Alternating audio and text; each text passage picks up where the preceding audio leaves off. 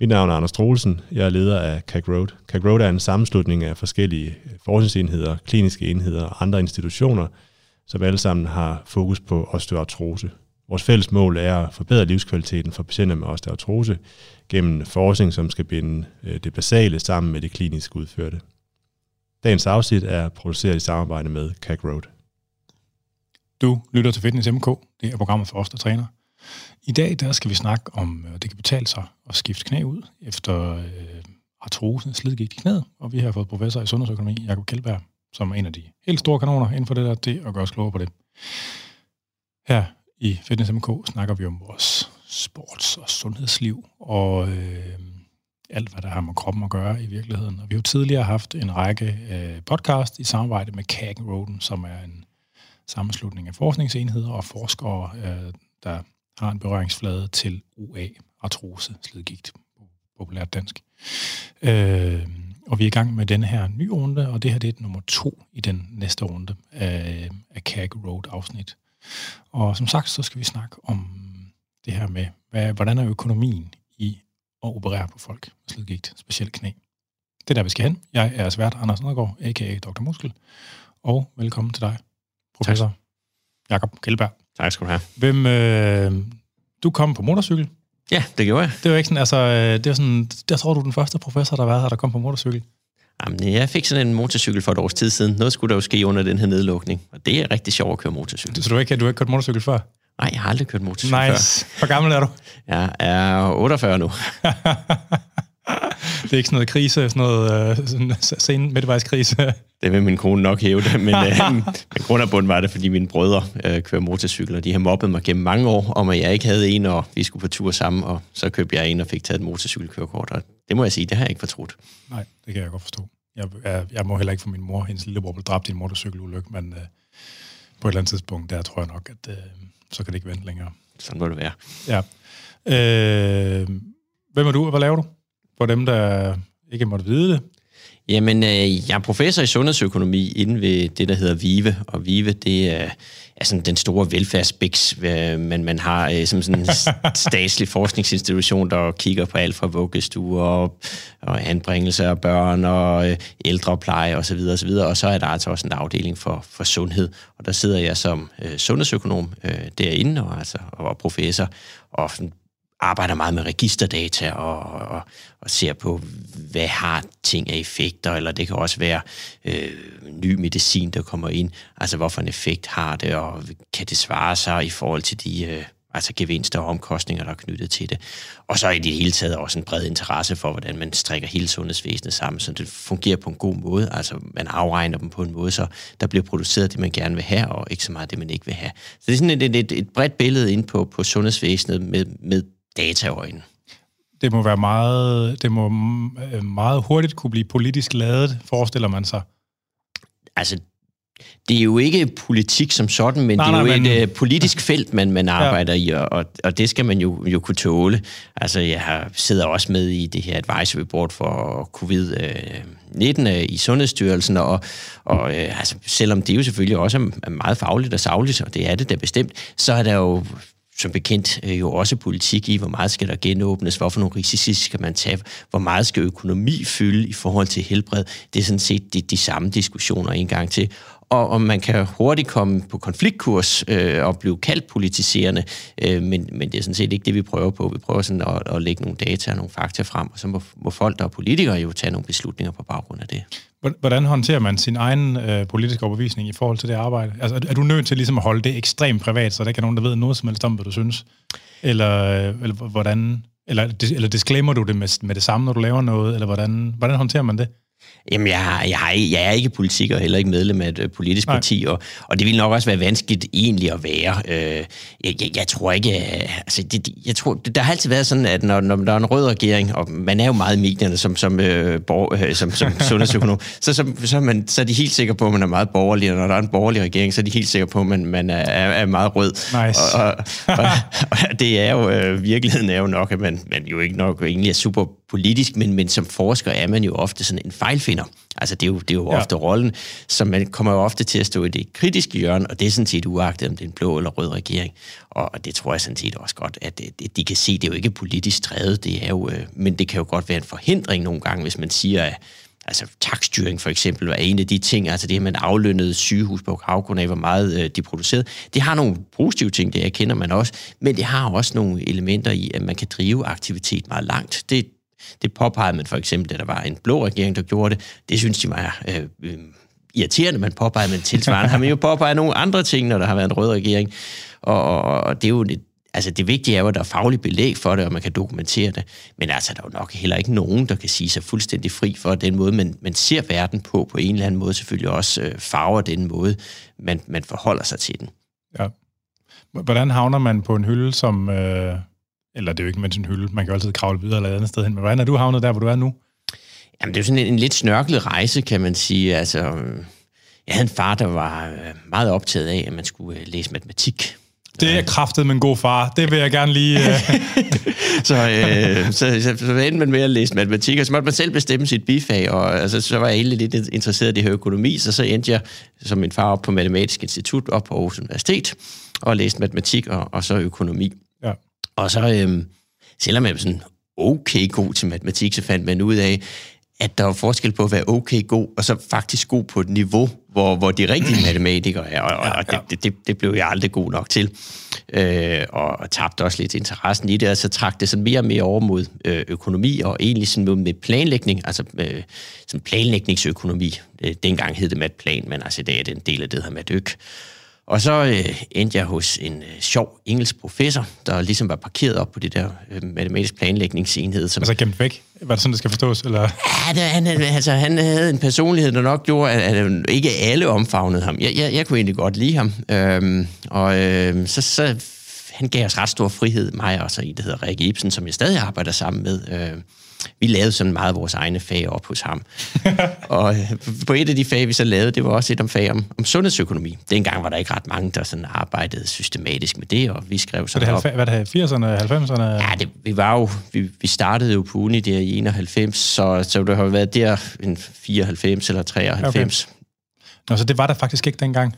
Det fyldte meget, meget lidt, og især ja. i Danmark var der ikke rigtig store miljøer for det. Der var lidt på det, der hed DSI, og så noget på Syddansk Universitet. Men det var lige der, hvor, hvor de første professorater også kom i øh, sundhedsøkonomi, og det, det var et felt, der ikke rigtig var dyrket, og, og, slet ikke på Aarhus Universitet. Men, men hvad så ligesom med øh, driftskalkyler og, og altså sådan noget i amterne dengang, og hvem der nu drev syge? Altså, var, lå det i de institutioner selv, eller lavede man det bare slet ikke, eller...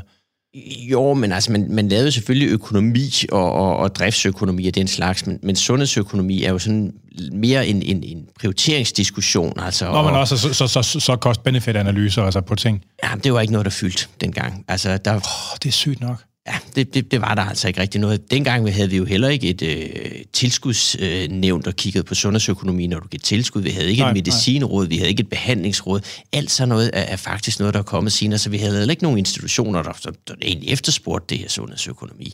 Så det var, det, det var meget, meget, meget småt i Danmark. Men vi, vi skrev sådan en lille opgave om, om sundhedsøkonomi, og, og så, så endte jeg jo med at, at sidde op ved, ved professor Halfdan, øh, var det ham englænderen, du snakkede Det var ham englænderen, han var halv dansk, så han hed faktisk Halvdan, øh, for han havde en dansk mor og engelsk far, øh, men voksede op i England. Og øh, så sådan snakkede om, hvorfor nogle fag jeg skulle have næste semester, eller vi skulle lave. Og det der med matematik, det, det, det lå jo med mere og mere matematik, og jeg kunne godt se, at det, det, det var måske ikke den vej, jeg skulle. Og så sagde han, det der sundhedsøkonomi, du havde lavet her, det, det, det synes jeg, du skulle arbejde videre med. Så sagde jeg, jo, ja, det er jo... Men der var ligesom ikke rigtig nogen fag, man kunne tage. Nej, men der var det er et masterprogram i York. Der må man tage sådan en Master uh, of Science et år. Uh, det synes jeg, at jeg skulle gå efter. Oh. Men det starter jo sådan om, om tre uger. øh, og man skal, og det, og det er jo sådan på det, der hedder University of York, og det, det, det er svært at komme ind på, på University of York, og især på det her øh, sundhedsøkonomi, som er og dengang klart Europas bedste. Det var sådan selvfinansieret, de der masterprogrammer, er det ikke?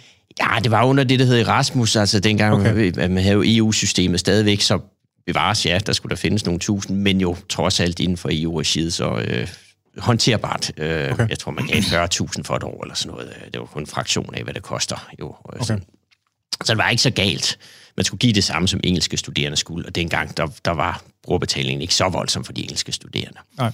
Men, men grundlæggende set kunne man jo ikke komme ind, og man skulle være testet i alt muligt. Øh, og det endte som hed, at det kan man jo ikke. Altså, nej, men han havde jo så læst, han havde sin Ph.D. fra Cambridge og sin master fra Oxford, og han, han kendte jo folk i det der netværk, så han ringede til dekanen over, som han åbenbart kendte fra sit netværk, og, og, jeg sad i det der rum, mens han ringede, og jeg kunne godt høre, at han stridede meget imod, og på et eller andet tidspunkt, der, der sluttede samtalen med at sige, I'll send him over, and I'll guarantee for this chap, and you better receive him. Okay. Og så tog jeg mit uh, happengud og, og, og tog til England. Og, Terningen er kastet. Terningen var kastet, og, og så var man på det der program i York, som var et helt fantastisk program. Altså meget, meget, meget, meget veltilrettelagt, meget, meget dygtige øh, undervisere. Okay. Findes det stadigvæk? Ja, det findes stadigvæk. Øhm, og øh, jeg, nu kender jeg ikke om, om, om, om, helt, om det fungerer på helt på samme nej, måde, nej. Men, men Master of Science in Health Economics fungerer stadigvæk på York, og er stadig en, en meget fin uddannelse. Og så kom man hvad skal man have for at komme ind på den? Altså skal man have en bachelor, eller skal man uh, for... Ja, du, du skal jo have en, en, en bachelor. Altså det er en post... Øh, øh, altså det er post-bachelor, øh, når man arbejder over når, når det er master. Altså sådan fungerer det engelske universitetssystem. Ja, ja. Så tager du en bachelor, og så tager du en master. Så jeg havde taget en, en bachelor på det tidspunkt. Men den danske... Dengang var man jo ikke så differentieret med bachelor og master, og det nej, kom nej. jo lidt senere i det danske universitetssystem. Det, der, der læste man jo bare indtil man var færdig, så at sige, og ja. blev kandidat.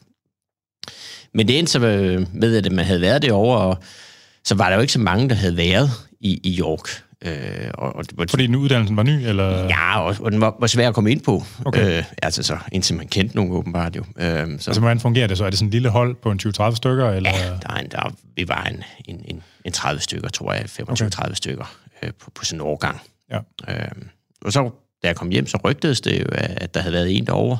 Og så gik der ikke ret længe, så ringede Anita Alban, som var chef på, på det, der hedder Dansk Sundhedsinstitut, øh, om, om jeg var interesseret at komme til dem. De havde så en, en forskningsleder, øh, som også havde taget sin uddannelse derovre.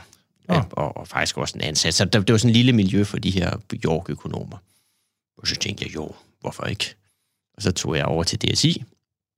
Og der var jeg der gik ikke så længe, så der, der skete noget ledelsesudskiftning, så, så ret hurtigt, så, øh, så, så kom Jes Søgaard, som jo øh, også en, øh, var øh, professor nede fra, fra Syddansk Universitet, og han kom så og var, var direktør i, øh, i DSI, og der, ej, det, det var en sjov tid. Altså, øh, øh, det var det. Altså meget engageret. Var, var det også noget offentlig betjening, eller var det en forskningsinstitution også? Det var sådan en selvejende institution, der, der lå sådan lidt diffust i, hvem der egentlig havde den, men, øh, ja. sådan, men, men mest, under, øh, mest under amterne. Øh, men der var sådan en momsfondsbevilling. Så en, en form for serviceinstitution for amterne nærmest, eller, eller hvordan skal det forstås?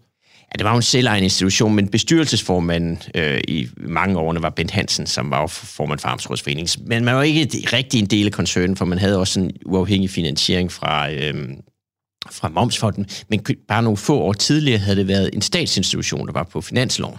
Okay. Så den havde sådan, der havde man egentlig fået al sin omsætning fra, fra, øh, fra staten, og det, det var sådan en forandringsproces, man kom der, og, og da man kom, der var virksomheden i økonomisk set en enormt dårlig stand. Det, det må man sige. Og det, ja, det sker jo. Det sker jo, og, og, og så var der så kom Yes, og der var sådan en, en, en, et, et engagement om, at det skulle lykkes, så man skulle få det vendt, og, og meget, meget øh, sådan familiært, dem, dem, der var derinde. Så ja, der er rigtig mange, der har sådan en relation til den der tid i DSI, som var speciel og sjov. Så var det en stor bæks? Nej, vi var, altså, vi var, Eller var det 10 personer? Eller? Ah, hvad har vi været? En, en, det, var færrest, var vi jo nok en 30-35, men, ja. men så, så kom der jo lidt flere, øh, da der kom lidt mere styr på tingene. Og det gik egentlig mange år. Vi havde et sjovt arbejdsliv derinde. Og så begyndte jeg at... Øh, så, så mødte jeg Paul Jenum, øh, som er professor i... Søvnforsker. Søvnforsker, ja. ham har vi faktisk haft i podcasten for en, et par år siden også. Ja, øh, men han, han, han, han havde fået lavet noget statistik inde på KU, som han ikke var helt tilfreds med, og så kom han op på at spørge, han så fået fat i mig, om jeg kunne lave et eller andet, og, og det var faktisk der, vi øh, begyndte at arbejde med øh, sådan registerdata mig, og så fik jeg Rikke med, som jeg kendte, som også har været op under Halfdan og, og Aarhus Universitet, øh, knyttet op på det. Og så arbejdede vi, øh, så har vi sådan begyndte vi at arbejde med de der registerdata på en systematisk måde, og, og da Paul han ville enormt gerne publicere i artikler, så, så skrev vi artikler, og så blev det så til en, til en frygtelig masse artikler. Og det, så du lavede meget sammen med ham? Ja, jeg tror, vi har skrevet 50 eller 60 artikler sammen, så, så det må man sige, det er, ja. det er dog rigtig meget, og vi snakker sammen næsten dagligt i telefonen, så det, det, vi har en meget tæt samarbejde med, med, med Paul og hele det der neurologi. Det er, egentlig, det er klart det, vi laver mest. Okay. Men så, øh, jamen, så var der også andre, man fik vat i, og, og, og der skete så nogle ting med, med DSI blev så, øh, ja, det blev så fusioneret ind sammen med øh, det, der hedder AKF, da staten skulle bruge nogle penge, øh, og så eksproprierede man momsfonden. Så ja. kunne man tage den øh, i, i, i kassen, og så, så skulle man også lave noget andet om, og, og så skete der det, man fusionerede også ind med, med, øh, med øh, altså DSI sammen med AKF, og så havde man Kreve med, som var sådan en benchmarking-institut, som var altså, jeg, aldrig, jeg, det er sådan, jeg, jeg, jeg tænker ellers på mig selv, som var der sådan relativt oplyst. Altså, jeg har aldrig hørt om Momsfonden, jeg har aldrig hørt om DSI, jeg har aldrig hørt om AKF og det andet. Altså, hvor mange sådan obskure institutioner er der? Ja, men det var det, så, så lavede man det op til Kora, og øh, der, der, der, der var vi så et... Øh, det var ikke ret længe, før man havde Kora, så, så skulle der jo ske noget igen, øh, og nogle ting, der skulle falde på plads, og nogle besparelser, der skulle hente sig alt andet, og så blev det her Kora øh, fusioneret med øh, det gamle Socialforskningsinstitut, SFI, og så blevet til det her øh, VIVE, som er, er sådan, blevet det der nærmest sådan velfærdssupermarked, fordi det rummer jo så at sige alle de her gamle institutioner, der egentlig dækkede en hel masse af de her... De, øh, er det så den eneste, der er tilbage, eller fordi det hele er slået sammen nu, eller... Altså, så ligger der jo, øh, øh, hvad, hvad hedder det, der er sådan et øh, EVA, Evalueringsinstituttet, øh, kan man sige, er, sådan, er, er stadig tilbage. Og så har man jo en, en anden stor butik øh, øh, omkring det her med, øh, og hvad hedder det nu, det gamle dige. Øh, der er så mange forkortelser. som, som, altså hele, øh, som er på, på, på øh, øh, SIF, altså Statens Institut for Folkesundhed, som, Nå, som, ja. som, er, som jo ligesom er kommet ind under øh, Syddansk Universitet. Så det er jo sådan den store, i hvert fald når vi kigger på sundhedsområdet, men, men hvor Vive dækker jo, altså ligesom den der brede butik, der, der dækker faktisk alle velfærdsområderne. Så, så, så, så hvad laver man, når man arbejder i Vive? Altså får man opgaver ind, ligesom analyser som der fra, fra eksterne aktører, eller altså, hvordan, hvordan fungerer det? Ja, altså det fungerer Altså, Viva har jo ikke har noget grundfinansiering fra, fra staten. Man er på finansloven, men, men det dækker jo, som de fleste af den type organisationer, jo, øh, kun en, en mindre del af, af budgettet. Og så, øh, så skal man jo så ud og, og, og, og skaffe yderligere øh, opgaver. Det, det kan man jo gøre fra øh, forskningsfonde. Det er sådan en anden, altså hvis vi tager øh, statsbevilling, så er det vel sådan cirka en tredjedel af, af vores omsætning. Og så det er fri forskningsråd eller innovationsfonden? Eller? Ja, eller, eller alt muligt andet. Novo okay. Nordisk Fonden er en stor... Øh, okay øh, bidragsyder, men, men de frie forskningsråd er selvfølgelig også store. Øh, det kan, men der, kan, der er mange andre fonde, jo Velux-fond og øh, Edmund og Mærsk og alle. Altså der, Danmark har jo et, et væld af, af forskellige fondsfinansiering. Ja. Så øh, det, det er sådan ret bredt. Og så er der simpelthen også en del, der, der kører på sådan mere kommersielle vilkår. Altså øh, det kan være altså rekvireret, altså, øh, øh, altså forskning, der er i udbud, eller nogen, der ringer om, om man vil lave et eller andet sammen med dem, øh, eller for dem. Øh, det, det, kan, det kan være altså det kan, det kan være alt muligt. Øh, det kunne men, princip... men arbejdet er ikke at lave forskning som sådan, altså i sig selv, det, det, eller hvad? Og det er jo forskningsviden og analysekapacitet. Der har vi har også en lille smule kursuskapacitet, okay. ja. men, men det, vi har jo ikke studerende som sådan, Nej, det det. Så, så, øh, så, så, så det er jo sådan forskellige analyser og udredninger og, og så forskning. Det er jo sådan det, der fylder. Ja, ja. Ja, det var spøjst bare alle, alle, de der, alle de der institutioner, man aldrig nogensinde har hørt om, men jeg i hvert fald ikke har. Altså sådan. Nej, ja, det, det er jo også et underskov af alt muligt, og, ja. og mange af dem var jo også små, det må man jo sige. Ja, ja. Og du er professor hos VIVE nu? Ja. Og det, dit professorat er forankret i dem, eller hvad? Ja. Eller, og det, okay. Viva har, øh, har en, en ansættelsesstruktur i to øh, forskellige spor. Man har et øh, analytikerspor, som man, man kalder det, altså, og så har man et forskerspor. Og jeg, jeg sidder i forskersporet.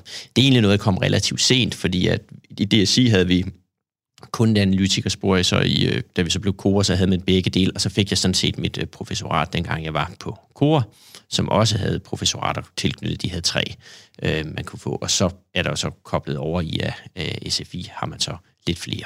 Ja. Tak fordi du kom i hvert fald. Til jer, der sidder også har, har os i ørerne derude, øh, der skal I selvfølgelig være velkommen til at skrive ind med spørgsmål til nærværende, eller tidligere programmer, eller forslag til nye.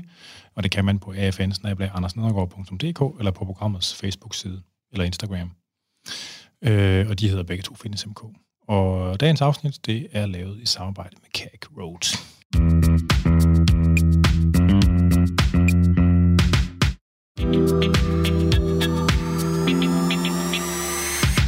Yes, vi skal i gang med dagsordenen. Øh, så øh, jeg forstår, at du laver mange ting, og OA ikke øh, nødvendigvis er sådan en stor del af det, men hvordan, hvordan er du blevet fedtet ind i gigt-businessen? Fordi det er jo en stor business.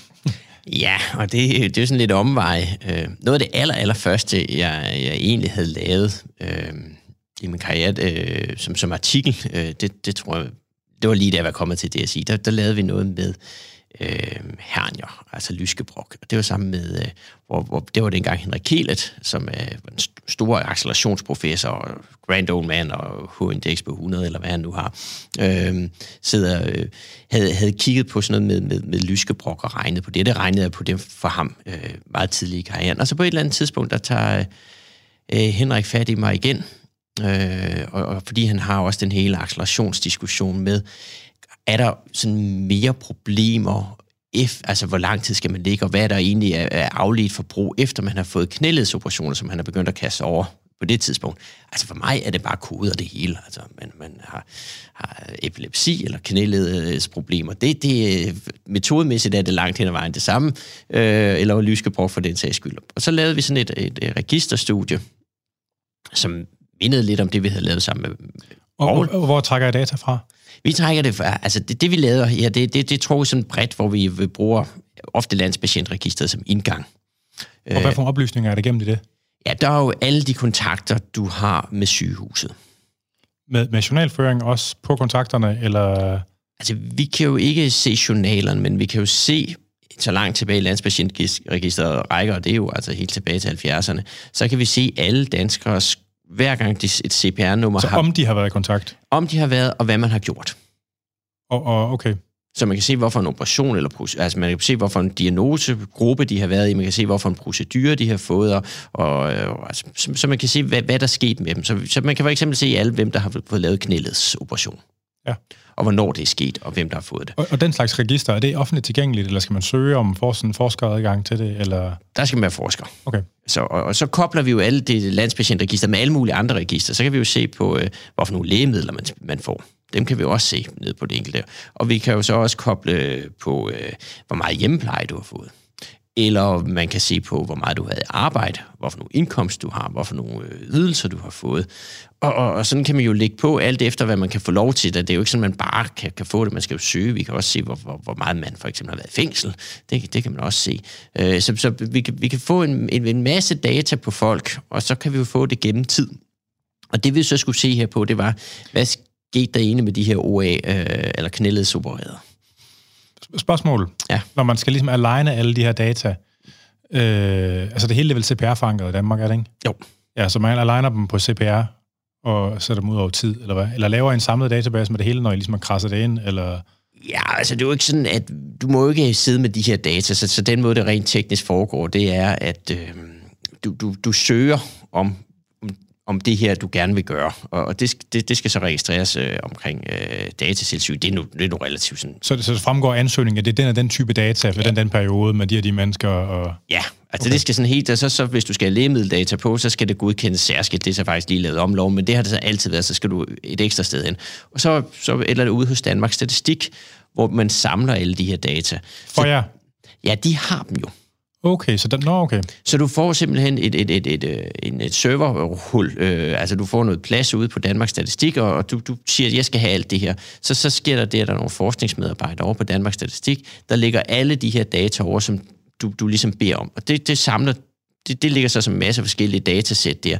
Og så sidder du så og sørger for, at det bliver kørt sammen, så du ligesom kan få det og kunne trække på det og få renset op i det og finde ud af, hvad der er fejlleveret, og hvad kan man bruge osv. osv. Er, er det en ydelse, man betaler for egentlig? Ja, det kan jeg love dig. Der er ikke er det noget, dyrt, der... eller hvad? Ja, det er efterhånden ret dyrt at få, få, få data. Det, det må man sige. Så, så hvad snakker vi? Er det 10.000 eller 100.000? Eller? Nej, det er meget tættere på 100.000 at få sådan en datasæt i dag. Nå. Øh, så det, så det, det er betydelige summer, der koster. Og dertil så skal du bruge ret mange øh, statistiske ressourcer på at, at rydde op i data, fordi det, det er ikke sådan, at det bare ligger så super fint. Og Men, men det er ikke dem, det er jeg selv, eller hvad? det er en selv, ja. Okay. Okay. Man kan også selv gøre det, hvis man er super skarp til det. Øh, det er der, hvor Rikke, som jeg har arbejdet sammen med, det typisk gør det for mig. Hun får det, det hele til at ligge pænt. Ja. Øh, og så har du så at sige de her data over en lang, lang tidsperiode, og så kan man gå ind og sige, her er der en, der har fået et knældet operation, for eksempel. Det kunne også have hofteled eller et eller andet andet. Altså, det er jo sådan set ligegyldigt. Og så kan man jo... og så, Det er regneaksmanden, det kan jeg godt lide. og så skal man jo finde nogen, der, der ligner dem. Fordi ofte, vi vil jo gerne have en kontrolgruppe, og det er jo ikke så tit, man kan lave randomiseret forsøg. Øh, Så, så det man jo gør, det er, at man danner en syntetisk kontrolgruppe. Så finder man på det tidspunkt, hvor man ligesom siger, nu får du dit første knældet. En, en eller anden person, der ligner. På hvilke træk? Jamen det gør du så på baggrund af alt efter, hvad du, du matcher dem på. Ikke? Men hvis du nu matcher dem basalt for eksempel på køn og alder og civilstand og bopælsgeografi, så kan du gøre det rent ned i CPR-registret, så kan du finde en, der minder om det. Men det kan også godt være, at du tænker, at vi vil også godt have en uddannelseskode på, for ligesom at, at øh, matche mere, for det så, har, så sørger du for at have rekvireret øh, uddannelsesregistre, eller hvad- man nu vil øh, matche dem på. Det, det er lidt uproblematisk, hvis du har meget med gamle at gøre, for eksempel hvis der har fået hofteledseloplastik, fordi så er data på uddannelseskoder for ofte gamle, ikke særlig komplette, og så vil måske en tredjedel eller halvdelen ikke have en, og så kan du selvfølgelig matche ukendt til ukendt. Det synes jeg er noget gris, så det, det gør vi ikke. Øh, men, men det er der nogen, der vil gøre. Øh, men, men, men, men grundlæggende set, så, så, så sørger du så for, ligesom du har en eller anden kontrolgruppe, der minder om dem, eller ligner dem rigtig meget pænt. Og det var så det, vi lavede på, på knæledene. Og så, så kunne vi jo ligesom se på, hvordan så de ud 10 år før? Lignede de hinanden 10 år før? Og hvad, hvad skete der så?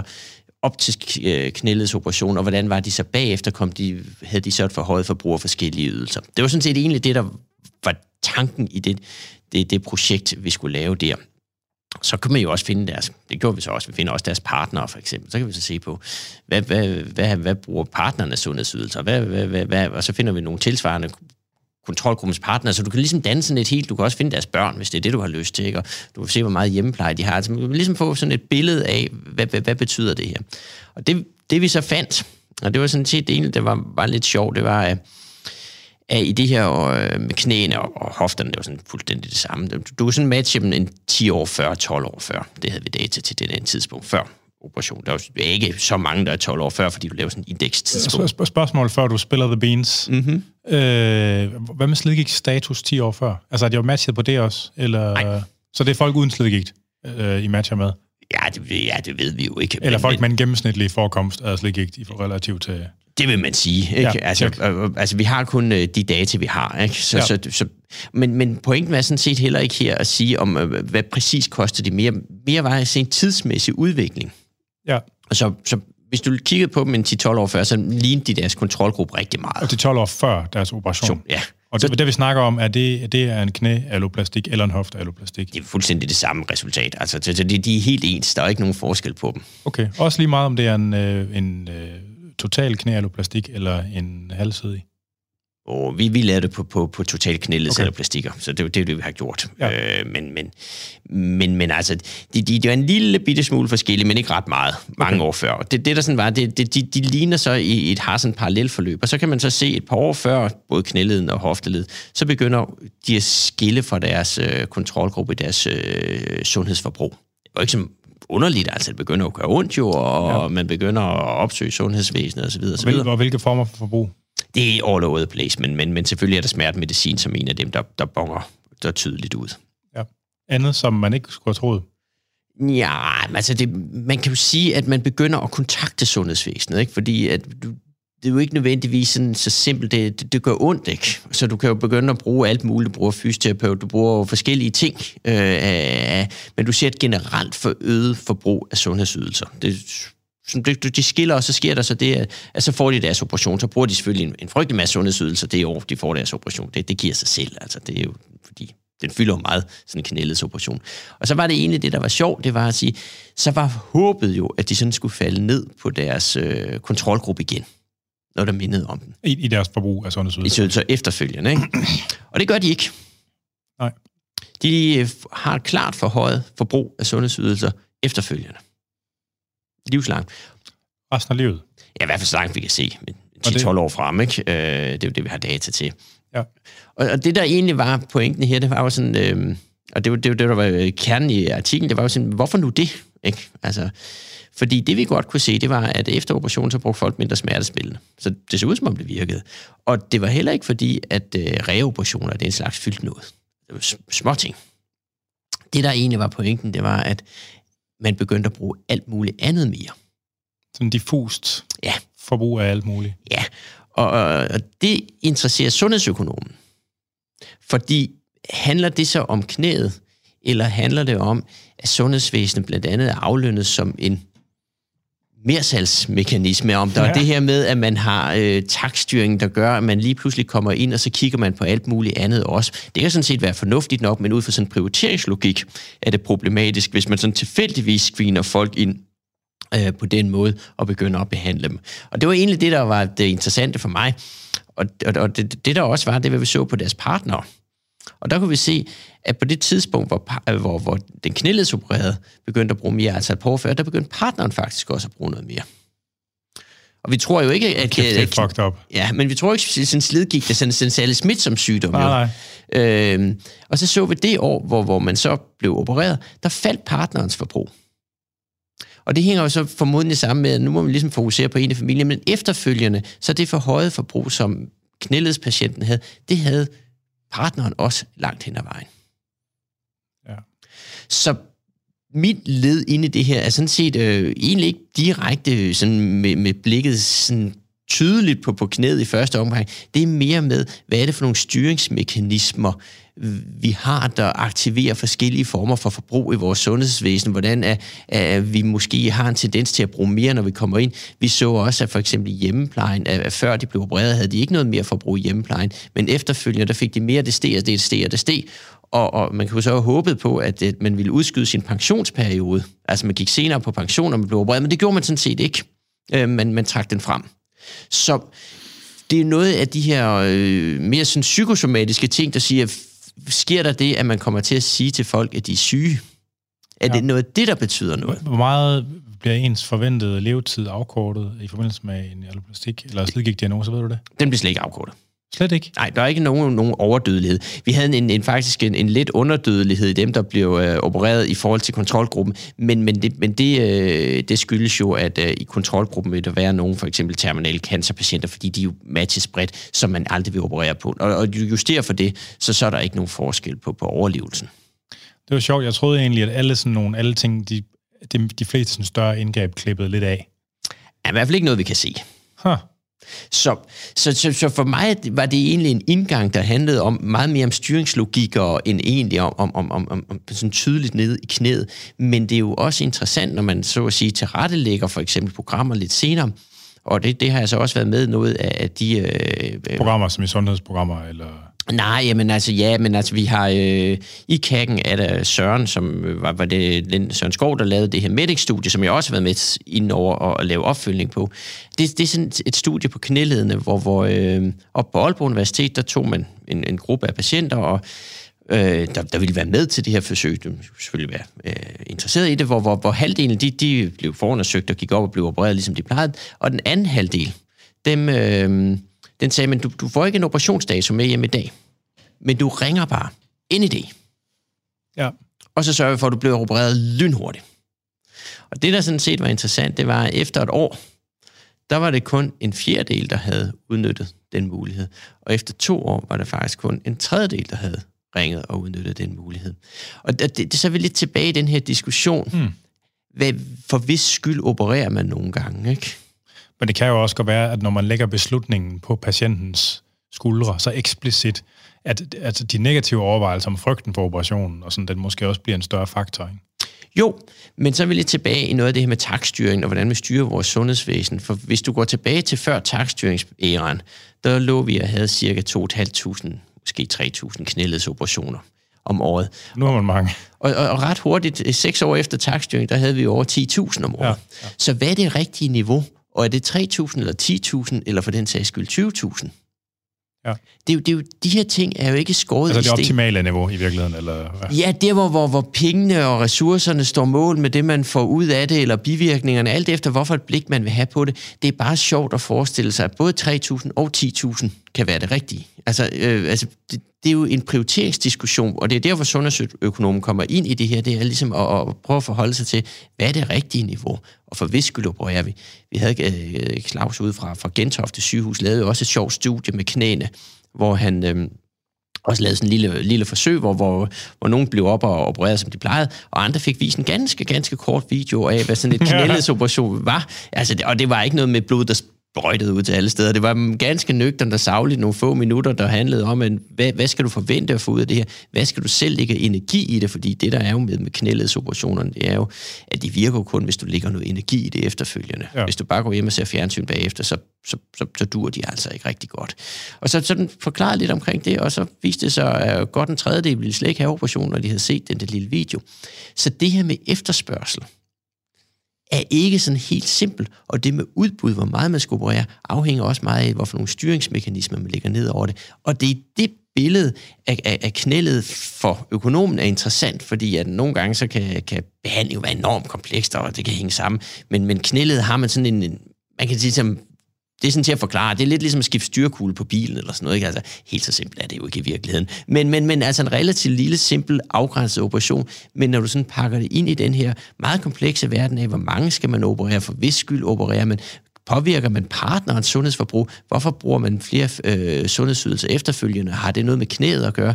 Altså, det, det kommer ind i sådan en kompleks styringsdiskussion, som er interessant, også fordi vi havde den der meget lange periode, hvor vi, vi havde ventelister som styringsmekanismer, og man afskaffede ventelisten som styrings, altså legitim styringsmekanisme med ventetid. Fordi man politisk sagde, at det måtte der ikke være, og så afsat med ressourcer, indtil den var væk. Ja, eller du fik nogle garantier, eller kunne gå på privathospitaler, ja, ja. eller alt muligt andet. Så de, så de styringsmekanismer er ret spændende inden for elektiv kirurgi, og, og det her, det er så et led af elektiv kirurgi. Så for min interesse i det her, det er sådan det styringsmæssige, det ressourcemæssige, kiggen ind i, er der gevinst nok i forhold til det, det man laver. Hvad koster en knæ- eller plastikoperation? Ja, altså, det, det, man kan gøre det op på lidt forskellige måder, men, men altså, hvis du kigger i øh, DRG-taksen, så er det ikke så galt, så er det godt et halvt hundredtusind. Øh, men så kommer du det rundt om. Og, og hvad er det rundt om? Jamen, der er jo noget træning, og det ene og det andet, okay. der, der, der skal til for, at det har en effekt. Men, men det er jo ikke, fordi det i sig selv er en, er en meget, meget dyr operation. Men, så hvad er forløbet? Er det halvt af 100.000? Eller? Nej, under. Altså, det er ikke så galt. Altså, okay. det, det, det er relativt standardiseret behandling.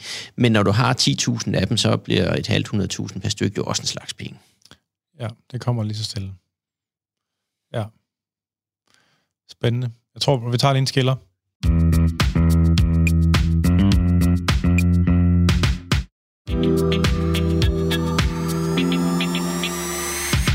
Så regnestykket falder ikke særlig favorabelt ud.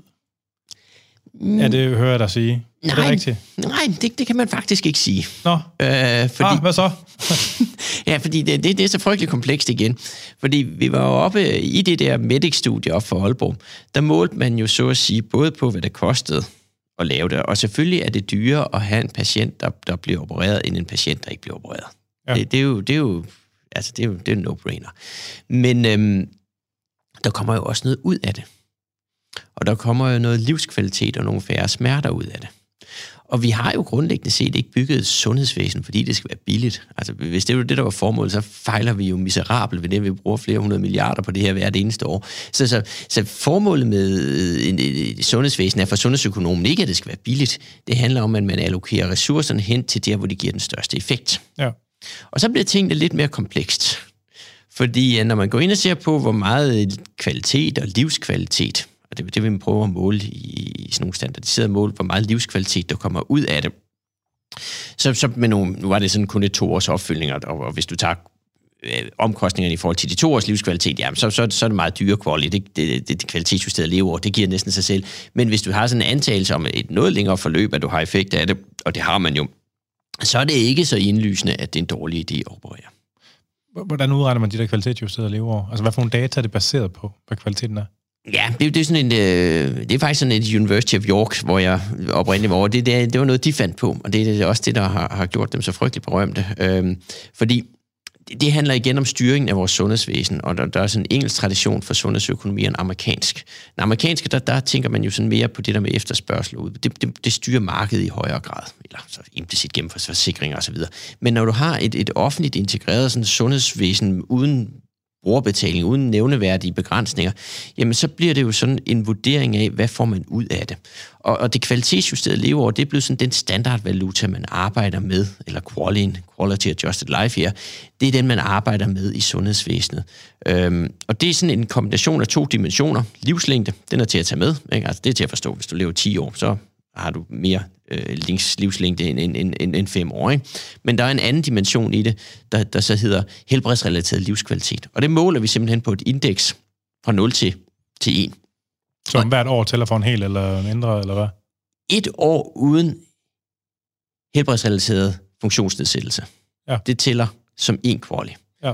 Men hvis du så har et, et, et, et, øh, en halv quali og lever et år, så har du så et år med halv funktion. Øh, og og der, der ligger noget meget kompliceret i, hvordan finder man så ud af, hvad et halvt øh, oh, yes. er, øh, og, og det, det er sådan, sundhedsøkonomer arbejder en del med, men, men det gør man simpelthen ud ved at spørge folk, ved at lave en masse sådan spil med dem, hvor man ligesom siger, okay, forestil dig den her situation, du er i, altså med den her funktionstilstand, hvor meget vil du så at sige være, hvornår vil du være indifferent, altså være bytte med en, en, en for eksempel en kortere levetid med en højere funktions tilstand. Og på den måde kan man så ved at lave en hel masse spil mod hinanden, simpelthen få en række indeks, hvor vi bruger typisk fem dimensioner af helbred. Altså det er sådan noget med, øh, har du smerter, og så er der psykisk... Øh, altså det er et valideret spørgeskema? Eller hvad? Meget, meget valideret og været brugt. Hvad hedder det?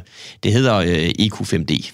Okay. Og så det, man bruger, det hedder 5L i dag. Det er fem niveauer inden for de fem dimensioner. Og det er sådan med self-care, altså øh, din, din, din usual activities, pain, og, og altså der er sådan nogle dimensioner i dit liv, og, og, og som, som, som har nogle forskellige niveauer, og så på den måde, så får du jo et vist antal helbredsdimensioner, du så at sige kan spille op imod nogle andre, og, og på den måde, så får man på, på baggrund af de her mange, mange interviews, der laves med borgere, øh, og der er lige kommet nye i Danmark, hvor man så går ud og simpelthen spørger dem omkring de her, får nogle værdier for de forskellige dimensioner. Hvor mange spørgsmål er der i? Jamen, der er jo sådan set jo kun fem spørgsmål. Okay, og så giver man en differential score i hver? Ja, så har du fem niveauer under hver spørgsmål. Okay. Altså, et, du er til 1 til 5 i de her fem dimensioner. Og det har så på baggrund af de her mange interviews, så kan du simpelthen slå op i en, en, en, en, en indeks. Hvad det svarer til? Hvad svarer det til i, nice. i værdi? Og så kan du, hvis du ved, hvor lang tid folk er i den dimension, jamen, og hvordan de rejser gennem dimensionerne, så kan du sådan lave et integral, så at sige, ikke? fordi at du får en tidsdimension ja. Ja så kan du regne, hvor meget øh, areal under kurven, der så at sige er. Ja. Øh, og og det, det giver så din, din quality-værdi. Ja. Og det er jo et øh, universelt brugt værktøj nu. Det er universelt brugt for i hvert fald i Europa, øh, ja. og, og, og det handler jo om, at øh, alle europæiske lande, og, og også med forgangsland fra, fra, fra NICE, altså det engelske prioriteringsinstitut, de forlanger de her qualier. Ja. Men, øh, men hvad med USA? Jamen, de har det ikke, eller... Ja, men altså, de, de har jo en lidt anden prioriteringstradition, fordi det er jo ikke et, et, som sådan et anlæggende mellem det offentlige øh, og, og individet. Det er jo her, man ligesom har brug for ligesom at finde ud af, hvornår står, står det mål med hinanden. I USA er det jo sådan set noget, du som, som borger må finde, der er et forsikringspakke, du vil betale for. Ja.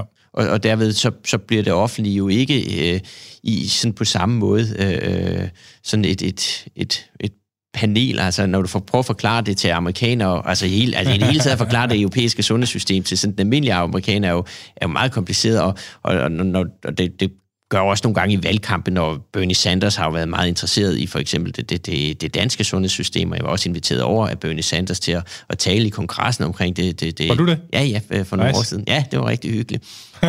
nej, det, nej, det var i senatet, tror jeg. Det var i senatet, jeg skulle tale om det. Så sådan en høring, så skulle jeg vidne om det danske sundhedssystem. Ja. Og det var ja, en fantastisk person, ham Bernie Sanders. En, en utrolig udstråling. Men, men, men, men, men, men en af de ting, der, der ligesom så kommer fra kritikken og de republikanske senatorer, det var jo så, at du har sådan en death panel. Ikke? Altså, du har et panel, der ligesom vurderer, om det er godt eller, eller skidt. Det er ikke individet, der gør det. Det er jo en anden tradition. Men i det europæiske tradition, jamen, så bliver det jo det offentlige, der på en eller anden måde forholder sig til, Altså, giver det mening, eller det ikke giver det mening? Og der har vi brug for de her kvalier. Ja, ja. Øh, så hvad kan man sige, hvis du skulle... Øh, jeg får vende tilbage til et andet spørgsmål, det der ligesom med, da jeg spurgte om regnestykket ikke så så godt ud, så sagde du sådan, nej, ah, det var ikke helt det. Hvad kan man så sige? Ja, men man kan jo sige... At det går i nul, eller? Nej, det går jo ikke i nul, fordi det koster jo penge, og vi får noget helbred. Ja. Og, det, og det er jo sådan set der, hvor vi siger, hvad må helbred så koste? Ja. Og det har vi jo ikke sådan to streger under. Fordi at, øh, det, det er der jo ikke nogen politikere, der sådan for alvor har lyst til at bide til bolle på. Øhm, så, så, Aner så, man lidt, øh, er der sådan lidt øh, ladning gemt i det? Det lød, det, jeg havde anet sådan lidt, at der, det, du sagde, at det burde de kræfter tage sig sammen og gøre, eller... Jamen altså, det, det, man, det, det er jo sådan lidt skyggeboksning nogle gange, når man har øh, en, en prioritering, hvor man siger, at det, øh, effekten skal stå i et rimeligt forhold til, til øh, omkostningerne, og man ikke rigtig helt vil fortælle, hvad det der rimelige forhold er. Og der, så, så lægger man det jo i praksis ned til for eksempel et tilskudsnævn, eller øh, et, øh, medicinråd, eller nogle andre til at vurdere den der rimelighedsfaktor. Og, og, og det er heller ikke, fordi der er et tal, man kan sige, men øh, for eksempel det engelske prioriteringsinstitut, øh, de, de, de arbejder egentlig altså nice, som, som vi, vi er meget fokuseret på, fordi det, det er de største, og dem, der er længst, og det er også dem, der har mest sundhedsøkonomi derovre, osv. osv. Så de, de havde jo også på den måde en lang periode, hvor de simpelthen lavede de der prioriteringer, og så skete der simpelthen det, at man på et tidspunkt simpelthen forlangte, og det, det var oven i købet en lovgivningsting, at man forlangte, at man kunne se kriterierne for, hvornår var noget rimeligt, og hvornår var det ikke rimeligt. Og fra, fra, fra politikerne? Eller, Nej, det var, eller det, var, politikerne, det, det, var, det var faktisk et retsligt øh, skridt om, omkring, var det rimeligt at lave de her ting. Det handlede om det, der hed kolesterasehæmmerne. Øh, det er sådan nogle øh, produkter mod Alzheimer demens, man havde sagt nej til på et tidspunkt. Og så, så, siger man, så, så kommer det jo et retsligt efterspil. Må man sige nej, eller må man ikke sige nej? Og der, der, som en del af det udløb, så var det sådan set, at man skulle have mere transparens i det. Og der, øh, der, der gjorde man så det i England, at man sagde, at på baggrund af de afgørelser, de havde, så, så meldte de sådan set officielt ud, at øh, de havde et interval på det tidspunkt, hvor man sagde mellem 20 og 30.000 pund, altså under 20.000 pund for et kvalitetsjusteret leveår, så var det omkostningseffektivt i udgangspunktet, og over... Hvorfor år var det? Over det, det, det, det er mange år tilbage. Altså, altså er det 2000 eller længere tilbage? Ja, det er omkring 2000, 2001 eller 2, eller det, det, det er omkring. Altså, vi, vi snakker 20 år tilbage. 30.000 pund? Ja, men det er sådan set ikke blevet opdateret. Det er det samme tal, der står på deres hjemmeside. Det er ikke engang inflation, inflationsjusteret? Det er ikke engang inflationsjusteret. Men i virkeligheden, så bruger de det ikke. Og det ved vi alle sammen godt. No. Og der er også nogle forskellige ting, hvor man sådan ligesom siger, ah, men der kan være nogle ting, der går højere, og der kan også være, man siger sådan for orphan drugs, altså de her meget små produkter, der kan det måske være 100.000 pund for en quality. Og sådan har det jo sådan været, at man, man, fordi man ikke rigtig har haft et andet referencepunkt, så refererer mange økonomer over mod NICE, fordi der har man et tal. Men vi ved for eksempel også, at nordmændene har i deres prioriteringsråd øh, sagt øh, omkring 800.000 norske kroner, altså det vil så sige rundtal en, en god halv million danske kroner for en quali, ja. at der, der, der, der, der blev de sådan, og, og svenskerne har, har sagt på et tidspunkt, at op til en million svenske, det vil sige også en god halv million danske. Øh, nu kursen, den kører jo lidt op og ned. Øh, men det var så op til, øh, og det vil sige, det var sådan den yderste grænse. Det er jo ikke sådan, alt det under er omkostningseffektivt, men der var deres grænse. Og, og et eller andet sted skal man nok også forstå den danske logik der, med mindre et eller andet taler for det, at det skal være noget andet. Men, men, men det er vel i virkeligheden sådan, at de sundhedspolitiske politikere er klar over, at der er tal, men man snakker bare ikke så højt om det, fordi at det ikke er så lækkert at tale om, eller hvad? Der er jo ikke et tal, men der er jo et interval, man arbejder med. Ja, ja, men, og, og der er sådan jo en implicit accept af, at, at, at det sker. Ja. Og den er uddelegeret på en eller anden måde. Hvorfor fanden er det ikke noget, man bare kan tale om? Ja, men det er jo, det er jo ikke let. Men man kan jo sige, oh, at i, man kan jo sige, i, i, i sidste ende, der, der er det jo ikke, fordi det er, det er en værdi, men det er jo mere en afledt værdi af, hvad plejer vi at sige nej til i andre kontekst. Ja. Og, og, og man kan jo sige, på det, altså i Danmark styrer man jo vores sundhedsbudget meget, meget stramt ved, at man har en rammestyring. Og så, så skal det jo klare sig ind under den ramme, og så ligger der også en implicit forståelse af, at der er nogle ting, vi ikke gør og gør. Så hele ideen handler jo ikke om, at det er de 600.000 eller 400.000, eller hvad det nu kunne være for en kvalitet, er det rigtigt tal, men det er bare en afledt konsekvens af, at man har fået et budget på den her størrelse, ja, ja. altså kan man ikke gøre alting. Og så skal man jo lade være med at gøre noget, der koster 10 millioner for en kvalitet, hvis der er ting, vi går og ikke gør i dag, hvor det kun koster 200.000 at få en kvalitet. Ja. Ja. Og men det giver mening. Øh, men hvis, hvis jeg så skal trykke dig lidt på maven igen i forhold til det konkrete med de her UA, altså, øh, eller med de her knæ-aluplastikker, altså hvad, hvad, hvad, hvor meget helbred får man så for de... Altså det, det, du siger, det koster nogle ekstra penge. Mm. Hvor meget ekstra er det i gennemsnit?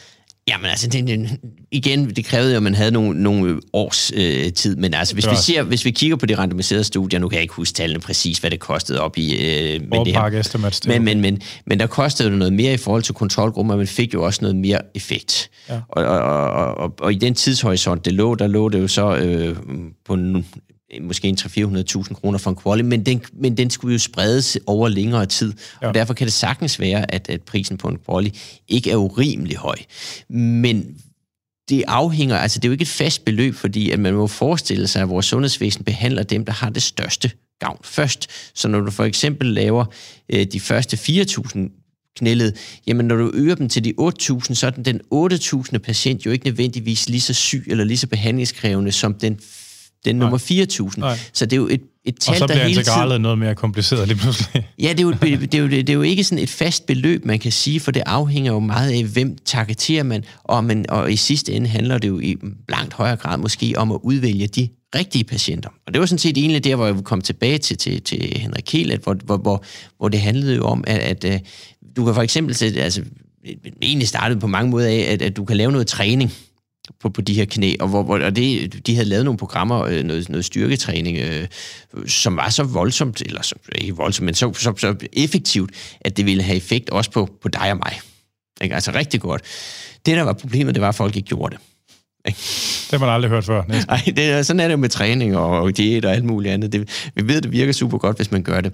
Så, og vi ved jo egentlig også godt, hvem der et eller andet sted jo ikke har gavn af de her knæledsoperationer, det er jo dem, der ikke får det trænet bagefter. Så, så, og, og, og, og man gav også lige meget træning til alle. Og var, er det en god idé? Ikke? Fordi der var formodentlig en tredjedel, lad os nu bare sige, ballpark fik jeg sikkert altså en tredjedel, der måske slet ikke skulle have noget, de, de skulle bare have en brochure, fordi de gør det helt af sig selv. De behøver ikke at have holdtræning. De, de kan bare gøre det selv, for de gør det selv. Ikke? Ja. Og så er der en tredjedel, der måske aldrig skulle have haft operationen, for, for vi får dem aldrig til at gøre det.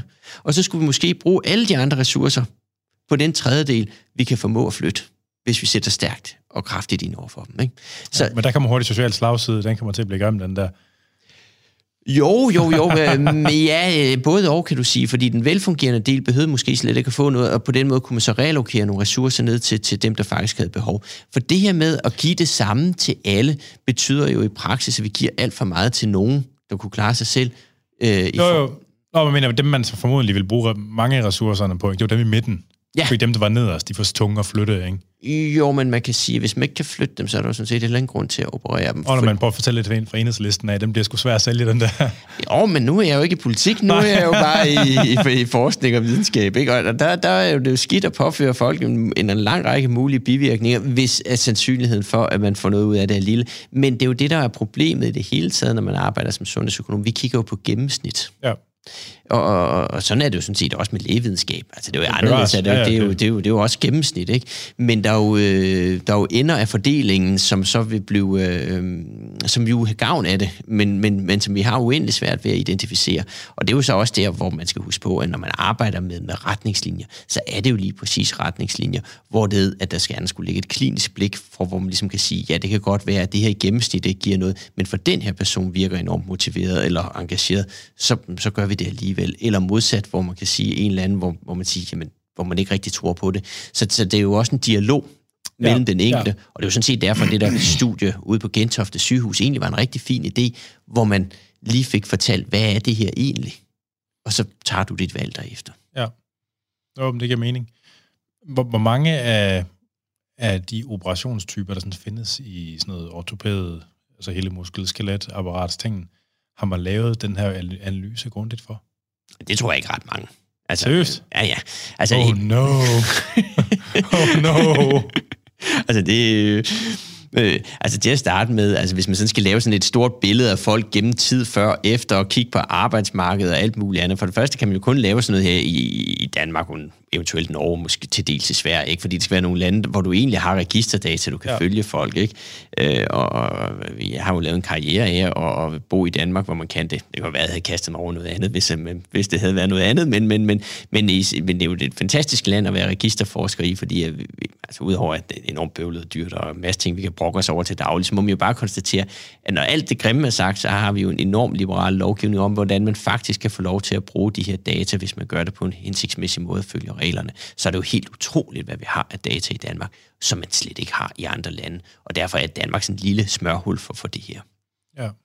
Altså, jeg tænker, wow, der er mange af de operations... Altså, der er mange sådan tiltag, det kunne være ret lækkert at kende den der kalkyle på. Vi har jo lavet noget på fedmeoperationer, øh, hvor vi har kigget på det. Ja. Og, og, øh, og det faldt heller ikke altid helt så entydigt ud, at det var verdens bedste idé. Fordi Nej. at der er rigtig mange modelstudier, når det er kliniske studier, de fokuserer selvfølgelig på, på de, de, de positive, eller der, hvor der er hyppige elementer. Men det vi fandt var jo, at der er rigtig mange bivirkninger, som måske ikke er særlig hyppige. Og når du sådan ser det i sådan det, vi kalder real world data, altså på den hele den fulde population, så ser billedet nogle gange faktisk noget temmelig meget anderledes ud, end det gør i studiepopulationen. Ja. Ja. Ja, det er skrækkeligt. Jeg tænker specielt, altså man har jo haft øh, altså noget som diskusprolapsoperationer, og man har jo lavet, man har jo tidligere lavet rigtig mange af sådan nogle, øh, hvad fanden kaldes det, superkromial decompression, ikke? fordi man havde ligesom en forklaringsmodel for skuldersmerter med, at der ikke var plads ind i skulderen, og så skrabte man ligesom noget af knoglen væk, så der var bedre plads. Og der har man jo fundet ud af, at den forklaringsmodel i virkeligheden ikke var, hverken var sensitiv eller specifik over for skuldersmerter. Og man er jo, altså, man, nu er man så gået væk. Man gør, gør det ikke lige så meget længere, men der gad jeg sagt man godt vide, hvordan tallene har været for det dengang og nu. Altså. Og man altså, kigger man sådan medicinsk historisk tilbage, så må man jo sige, at der er jo ganske mange ting undervejs, hvor man, hvor man er blevet klogere siden. Jo. Og der vil også være en lang række af de ting, vi gør i dag, men undervejs vil blive klogere at sige, at det, det er mindre hensigtsmæssigt. Men det er jo derfor, det er så vigtigt at have en stærk barriere for, når man går i gang med noget. Og, og der kan man sige, at, øh, at på medicin og den slags, der har man så nogle meget øh, snittede øh, datadesign, så gør man, det kan være relevant at følge op i, i praksis alligevel. Men, men sådan det, det kirurgiske område har jo haft sådan en, en tendens, eller også altså også intensiv medicin og så videre, har jo ikke sådan, øh, har jo udviklet sig sådan mere øh, håndværksmæssigt, hvor man med erfaringsmæssigt. Og, og, og, så prøver vi det. og, og, og, og, så har man god erfaring med det, og det har man jo også mange gange, og det, og det gør jo også meget godt, men det gør jo også, at nogle gange, så, så, så kunne det være godt at følge nogle af de her ting systematisk over en længere, tidsperiode, tidsperiode, og det, det er jo sådan noget, vi faktisk har mulighed for i danske data, hvis man vil. Ja. Ej, hvor er der mange ting, der kan være spændende at lave. Hold da op. Jamen, vi bliver heller ikke arbejdsløs forløbig. Nej. Altså, det kunne være lækkert bare lige at have et par år, hvor man havde adgang til det hele. bare lige til det hele. ja, altså finder man ud af, hvor meget... Altså, og, og, der kan man sige, at det er et supermarked af data, men det er ikke sådan, at man bare kan gå ned og kigge i alt muligt. Der er, altså, det er jo begrænset, at man skal ja, ja, betale ja. og rense op osv. Og det, og det skal man jo gøre, fordi at, at hele forudsætningen for, at befolkningen vil stille data til rådighed, det er jo, at der er en tillid til, at man bruger dem på en ordentlig måde. Selvfølgelig, ja, ja. Øh, ja, men det giver mening. Altså, hvad med sådan noget med at, altså sådan med at rense data og kigge i dem? Øh, det gør jeg altid manuelt, eller hvad? Eller kører man algoritmer på det, eller noget AI, eller... Man kører ikke AI, og det, det, du, du må ikke sidde og lupe på data, så, så det, det, det, det er ikke noget, man gør. Meget af det handler altså helt banalt om at finde ud af, at... Øh, og de der ting, man har bestilt, øh, de linker der slet ikke, eller ja, der er et tomt år der, hvorfor er det tomt, og, og, og så må man så ringe til, til sin data manager og sige, jeg bestilte de her, hvorfor har du ikke givet mig det? Og så siger de, nå ja, det har du også glemt. Og, og så får man det over. Altså meget af det er altså sådan noget helt banalt arbejde med at finde ud af, at det er komplet, og, det, og, det, og så simpelt er det ikke altid, fordi det alle, øh, altså datasættene ligger der, så det er først, når man åbner det, at man finder ud af, at det er tomt. Ikke? Øhm, så, så altså mange af de der, altså er ikke, ikke højvidenskabelig, men, men, men simpelthen bare benhårdt robotsarbejde for at, at få, det, få tjekket, at tingene er i orden. Det er de rigtige variable, man har fået, og, og, øh, og finde ud af, hvor komplet de er registreret, og, og, og, og så bridge det i forhold til for eksempel afregningsdata med indlæggelsesdata. Øh, det burde være simpelt, i virkelighedens verden er der også en masse udfordringer på det. Når du kigger over mange år, så ændrer den klassifikation, vi har på sygdommene, så, så du skal oh ja. sørge for at linke det de rigtigt overvejs. Og sådan noget. Så der er kæmpe stykke arbejde i sådan noget, og noget af det kunne du genbruge fra gang til gang, men så har man lige pludselig fundet ud af, at en variabel skal have et nyt navn, og så skal du finde ud af, altså, det, det er ikke raketvidenskab, det er benhårdt arbejde, der kræver en masse systematik i praksis. Hvordan holder, hvordan holder I data? Altså, det, har I lavet jeres eget, bruger I databaseprogram, eller laver I jeres eget altså, den, program til det? Eller? Der, der er en tradition, altså man kan, man kan gøre det, det er igen ude på Danmarks statistikker, og man vælger jo sit eget værktøj, der er forskellige værktøjer okay. derude. Øh, altså, vi bruger SAS, det er sådan en tradition okay, ja. for i, øh, i sundhedsområdet, men altså de unge, altså nu er jeg jo snart blevet halvgammel selv jo, de, de bruger det her R, ikke? Ja, og, ja. Øh, og så er der andre, der bruger STASA, og, altså, det, det, men det er jo ikke så vigtigt, altså, det, det er jo sådan set bare analyseprogrammet, der ligger i forhold til det datasæt, ja, ja, men de tager så mange forskellige typer inputs. Jamen, de, de altså, kan lidt forskelligt, ja, ja. Øh, og, de, og de gør det på en lidt forskellig måde, men, men, men i sidste ende skulle det jo gerne ende med at blive det samme. Ja. Når man, når man sidder og kigger på tallene, eller sådan, kan man sige, de der mønstre, du snakker om, at så kan man se, at så bliver ægtefældens adfærd påvirket, og så, altså sådan, det, man, man, man sidder jo og kigger på sådan nogle mærkelige sådan lodninger, eller stikprøver på noget, der er meget, meget mere komplekst, ikke? Altså man kigger på, man har sådan, kigger, har sådan en lille bitte pinhole, ikke? man kan kigge gennem en virkelighed på, der er meget, meget kompliceret virkelig. Altså sådan, Altså, det er som om, der er sådan et eller andet ægte og sådan levende lige uden for rækkevidde, ikke? Altså sådan... Altså, giver det mening, hvad det er, jeg siger? Jo, jo, men altså, der er jo tusindvis af historier, vi misser i vores data. Altså, og, og øh, dengang vi... Øh, noget af det, altså grunden til noget af det her, vi arbejdede med knæ og hofte, det var, det var egentlig... Øh, altså, det, det er så dannet ret meget skole sidenhen, øh, og jeg er heller ikke sikker på, at vi var de første, men, jeg, men vi var i hvert fald nogle af de første, der gjorde det på den måde, det var, at vi skulle følge, altså det, som har været meget tradition, det er også fordi, at det er jo det, man kan i udlandet, så følger du en patient fra operationstidspunktet og fremad. Det har været sådan en almindelig uh, identifikationsstrategi. Og så var det sådan lidt tilfældigt egentlig, at, øh, fordi vi har jo sådan, vi finder dem jo forskellige tidspunkter, og så lægger man dem sammen. Og så var det jo egentlig bare et output, hvor man tænker, nu lægger man og genererer det, så, så før perioden også kommer på. Ja. Og, det, og det er jo ikke brugt. Altså, det, det er et lille bitte træk. Nu skal man huske, det er mange år siden, vi startede på det her. Så på den, det, dengang var det nyt, men det gjorde man jo ikke i udlandet, for der kan du ikke gå tilbage. Men det jo sådan noget, de danske data kunne. Og så kunne man jo lige pludselig se den der streng for til. Og så kunne man sige, det var egentlig på sin vis langt mere spændende. Rigtig mange ting, der skete før operationen, end ja. efter operationen. Ikke? Men, men sådan hele det der med livsbaner, og hvornår mennesker er i trivsel, altså der er ligesom noget menneskeligt, der er sådan noget næsten humanistisk, der ligger lige for enden, ikke? Som, øh, er der ikke det? Jo, og... og altså, hvornår er mennesker i trivsel, og hvad for markører er der for, hvornår ens liv går godt, og kan det identificeres, og er det noget, der kan gøre til genstand for styring, og... Ja, altså et af, et af de sjove studier, vi har lavet, det var, øh, vi, vi fulgte sådan en, øh, en polio øh, population, øh, tilbage fra blejdarmsvejspopulation, øh, altså vi er jo mange, mange år tilbage. Er det før en verdenskrig? Eller? Ja, det er, jo, det, det er jo helt tilbage det omkring lige efter, ikke? Ja. hvor vi havde polioepidemi. Øh, og, så, og, øh, og, det er jo ikke ret meget. Så, så fandt vi dem der, og så, så, så måtte vi, altså vi ikke generere en kontrolgruppe, for vi ikke register til dem før op i 70'erne, vel? Men, men øh, der kunne man så gøre det, og så kunne man jo sådan følge dem. Og så kan du følge dem på alle mulige karaktertræk. Altså, vi, vi kan jo også følge på børn, for eksempel en sygdom, for hvorfor nogle karakterer de får i skolen, og hvorfor det unge, hvornår de er færdige med deres ungdomsuddannelse. Så kan man jo ligesom følge deres livsbane. Dem her, dem fulgte vi jo så, hvor vi kunne se, at de fik senkomplikationer. Det gjorde de altså mange, mange år efter. Og, og det, der var sjovt ved poliopopulationen, det var, at grundlæggende set gik det dem faktisk rigtig godt. I livet, sådan helt Ja, sådan i hvert fald på, på det, vi kan se registerteknisk. Vi kan jo ikke se, om de har ondt. Vi kan jo ikke se, om de synes, det er sjovt at spille fodbold, for det har de jo nok ikke kunnet. Men vi kunne se, men vi kunne se, det gik dem godt i skolen. Det var sådan en økonomisk måde. Vi kunne se, at de fik nogle gode job. De faktisk gik dem... Når du siger gode, bedre end gennemsnittet? Ja, altså, og, og specielt i den høje ende. Ikke? Så det gik gik dem sådan med, og måske var det jo fordi, at de ikke spillede så meget fodbold, men måtte læse deres lektier, who knows, eller øh, hvad der nu skete. Ikke? Det, men det gik det rigtig godt. Men så kunne vi så se, at de begynder at få deres senkomplikationer senere hen, og så kan man se, at de bliver i højere grad skilt når de får de senkomplikationer. Og, og hvad man kan bruge det til andet, end at synes, at det, det er interessant, det, det, det skal jeg jo ikke altid kunne svare på. Men du kan lave de her men meget... interessant er det kraftet med. Men, men du kan lave meget lange livsbaner om, hvor, hvor tingene kan, altså, har nogle altså nogle effekter langt, langt fra det tidspunkt, du egentlig startede med at få, få sygdommen. Ikke? Ja. Er det, jeg kan ikke huske, er det, er det Irland eller Skotland, hvor man har lavet sådan noget, hvor man har intelligenstestet en hel årgang som et eller andet 8 år eller 10 år tilbage i 50'erne eller 60'erne eller sådan noget, og så fulgt dem.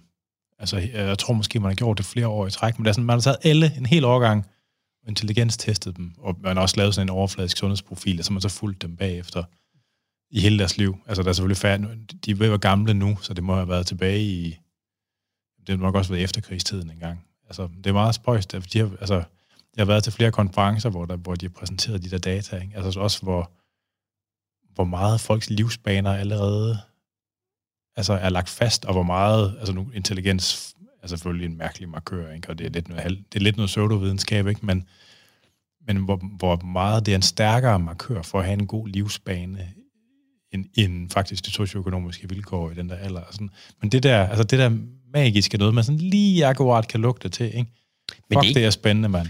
Men, vi, altså, det er ikke noget, jeg har gjort, men det var, nu, nu sidder vi og snakker om det, men det kan man faktisk i Danmark, fordi vi har jo, øh, altså kun på mændene. Sessionsdata. Vi har sessionsdata, ja. der vi, og jeg ved, at Kasper Møller, som er valgforsker, har arbejdet meget med de her sessionsdata, IQ-data, og, og se, hvordan det, det betyder nogle ting. Men det kunne man i princippet også gøre på sundhedsdata. Det er ikke nogen, der, nogen, der har, har gjort det så meget, men altså, hvis man en dag fik tid, så kunne man sikkert lave en forskningsfondsansøgning til, til at kigge på de ting, hvis der hvis der er nogen, der synes, det er sjovt at lægge navn og ryg til, at man, man bruger de data til at sige noget om det. Men selvfølgelig vil det også have en betydning.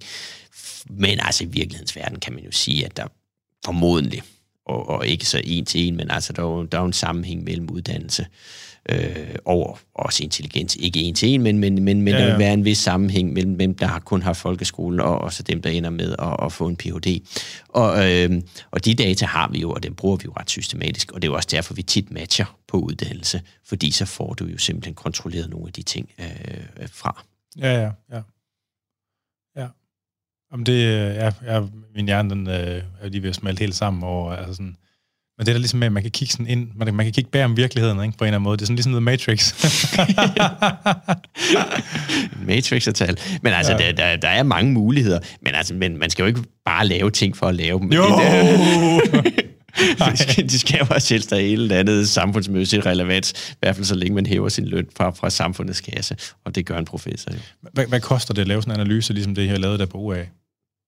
Oh, altså, det, det, det, det ændrer sig lidt over tid, og det kommer også lidt an på, har man noget, der, der ligger sådan lidt eller ikke lidt. Men, men, men, men ja, som tommelfingerregel, så siger jeg, at det koster 100.000 at få data. Ja. Øh, så koster det 100.000 at rense dem op. Så skal der 100.000 til at aflønne til noget analyse, og så skal der også 100.000 til noget afrapportering, og så skal der det løs på. Ikke? Så, så, så hvad, praksis, er det 40 procent ekstra? Eller? Ah, så, så man, man kan lave et fornuftigt studie for, for, øh, for, for en halv million, og hvis man er hårdt, hårdt presset, det er virkelig spændende, så kan man jo lave det lidt billigere, og hvis man ikke synes, det er så spændende, så er det lidt dyrere. Øh, men, men, men, men der, er, der er simpelthen nogle eksterne omkostninger, der, der, der, der gør, at, at man kan ikke lave noget for 50.000, men mindre det ligger i den for noget, du allerede kan lave og har tilladelse til at lave, fordi så kan du arbejde på nogle eksisterende datasæt, og så er det jo selvfølgelig meget billigere. Men, altså, men når man tænker på, hvad, hvad omkostningerne er på, hvad fanden ved jeg, altså en eller anden screening eller en eller anden operationsteknik, ikke? Hvor, det jo, hvor, hvor den mængde af penge, der bliver brugt på, det jo ofte er enten i hundredvis af millioner eller op i milliarder, ikke? så, så er det billigt. Ikke? Så, så er det fucking billigt. Ja, altså, så, så, kan, så kan vi godt være med. Hvorfor ved vi ikke det her om alt? Ja, det, men altså, det skal også være en interesse. Nogen skal jo efterspørge den viden, kan man sige. Ikke? Jo. Og, og man kan jo ikke bare sidde og producere viden ud i ingenting. Det, det skal være nogen, der synes, det er spændende. Ja. Og altså, det, det burde jo kraftigt med være et krav, at man hvis man regnstykke ser ud, før man implementerede et eller andet, ikke? Jo, og, og jeg tror også, det er noget af det, der, der kommer mere af nu, fordi at mange af de behandlinger, vi introducerer, i hvert fald når det er på medicin, det er, er jo baseret på meget små studier, eller, eller meget selekterede øh, patientpopulationer. Ja. Og det, man godt kan forestille sig, bliver en, en, en virkelighed fremadrettet, det er en, en øget grad at bruge det, vi kalder real-world data, og real-world data, det er sådan set bare det, jeg sidder og laver, altså data fra databaser, hvor man sådan går ind og siger, okay, hvis du nu skal have betaling for det her, så vil vi godt se noget effekt. Mm. Og den effekt skal vi så måle på, om, om, om du på en eller anden måde kan holde dit arbejde, eller hvad det nu kunne være, man vil måle til, eller ikke blive opereret for det her, det her. Og der, der kan vi udnytte de her data, vi har i Danmark på, på som, som et rigtigt testbed på, hvad, hvad opnår man faktisk ud i virkeligheden, i stedet for, hvad har man fundet i et eller andet klinisk begrænset øh, kontrolleret forsøg, og det, det er ikke fordi, jeg er mod de, de randomiserede kontrollerede forsøg, de er super gode, men de er altid hyperselekteret på, på en population, som man slet ikke er den, man, man, man arbejder med, når det bliver den virkelige verden bagefter. Ja, altså man siger, lægemiddelvirksomhederne vil nok gøre hvad som, alt det, de kan slippe afsted med, for, for at få det til at se pænt ud. Nå jo, men sådan er vi jo alle. Altså, jeg tror ikke, der er større skurke det end så mange andre steder, hvis jeg skal være helt ærlig. Altså, alle ønsker at stille sig selv i det bedste lys. Jo, jo. Og, og så sker der jo en virkelighedsforskydning, hvor, hvor folk jo også sådan, måske har været noget godkendt, så kan man sige, jo, men det kunne da også godt være, at den her patientgruppe har kunne gavn af det. Og det kan da også godt være, men så er vi lidt tilbage i den der diskussion, vi havde før, med at der er forskel på at operere 10.000 og, og 1.000, altså den 10.000 patient er formodentlig anderledes end den tusinde, og så kommer der en diskussion, der handler om, er det pengene værd i forhold til den virkelighed, der er, at der er et fast budget, vi har at drive sundhedsvæsen for. Ja, det giver mening. Jamen det tror jeg næsten vil være din øh, næst sidste ord, medmindre du har et eller andet, der lægger dig på sende, sådan lige at klemme ud mellem sidebenene. Nej, jeg tror, det var fint. Ja, så øh, vil du give os dit øh, fulde navn og affiliering, og hvor man kan følge dit arbejde, hvis du er interesseret i det. Jeg hedder Jakob Kjeldberg. Jakob med K og Kjeldberg med K, J, E, L, L, øh, B, R, G, og øh, jeg er professor i sundhedsøkonomi ved VIVE, det nationale center for forsknings- og analyse i velfærd. Og der har jeg også en medarbejderprofil, man kan gå ind og kigge på øh, og, og se, hvad jeg laver. Twitter, ResearchGate. Øh... ResearchGate har jeg også, og øh, til Twitter og, og LinkedIn er, er jeg også på, men ikke særlig aktiv. tak fordi du kom. Det var meget spændende. Velbekomme. Øh, dagens afsnit, det er produceret i samarbejde med CAG Road, som jo altså er det her københavnske, eller overvejende københavnske øh, sammenslutning af forskere og forskningsinstitutioner, der arbejder med UA på en eller anden måde. Øh, og du har selvfølgelig lyttet til Fitness MK. Jeg hedder Anders Nedergaard, og du kan lytte med til den her og de andre episoder af Fitness MK via stream og podcast, og du kan streame det inden for andersnedergaard.dk eller Spreaker, og man kan podcasten fra alle de store podcasttjenester. De gamle afsnit, afsnit af Fitness MK fra Radio 24-tiden, de er stadigvæk til at finde. Det er bare et andet feed, som kun ligger på Podimo og den nye 24-7. Programmet det er produceret af Jonas Pedersen, og I skal som sagt være velkommen til at skrive ind og kontakte os. Jeg svarer på alt det, jeg kan, og det tror jeg nok er det hele, eller sådan næsten det hele indtil videre, og det kan man på afn eller på programmets Facebook-side eller Instagram.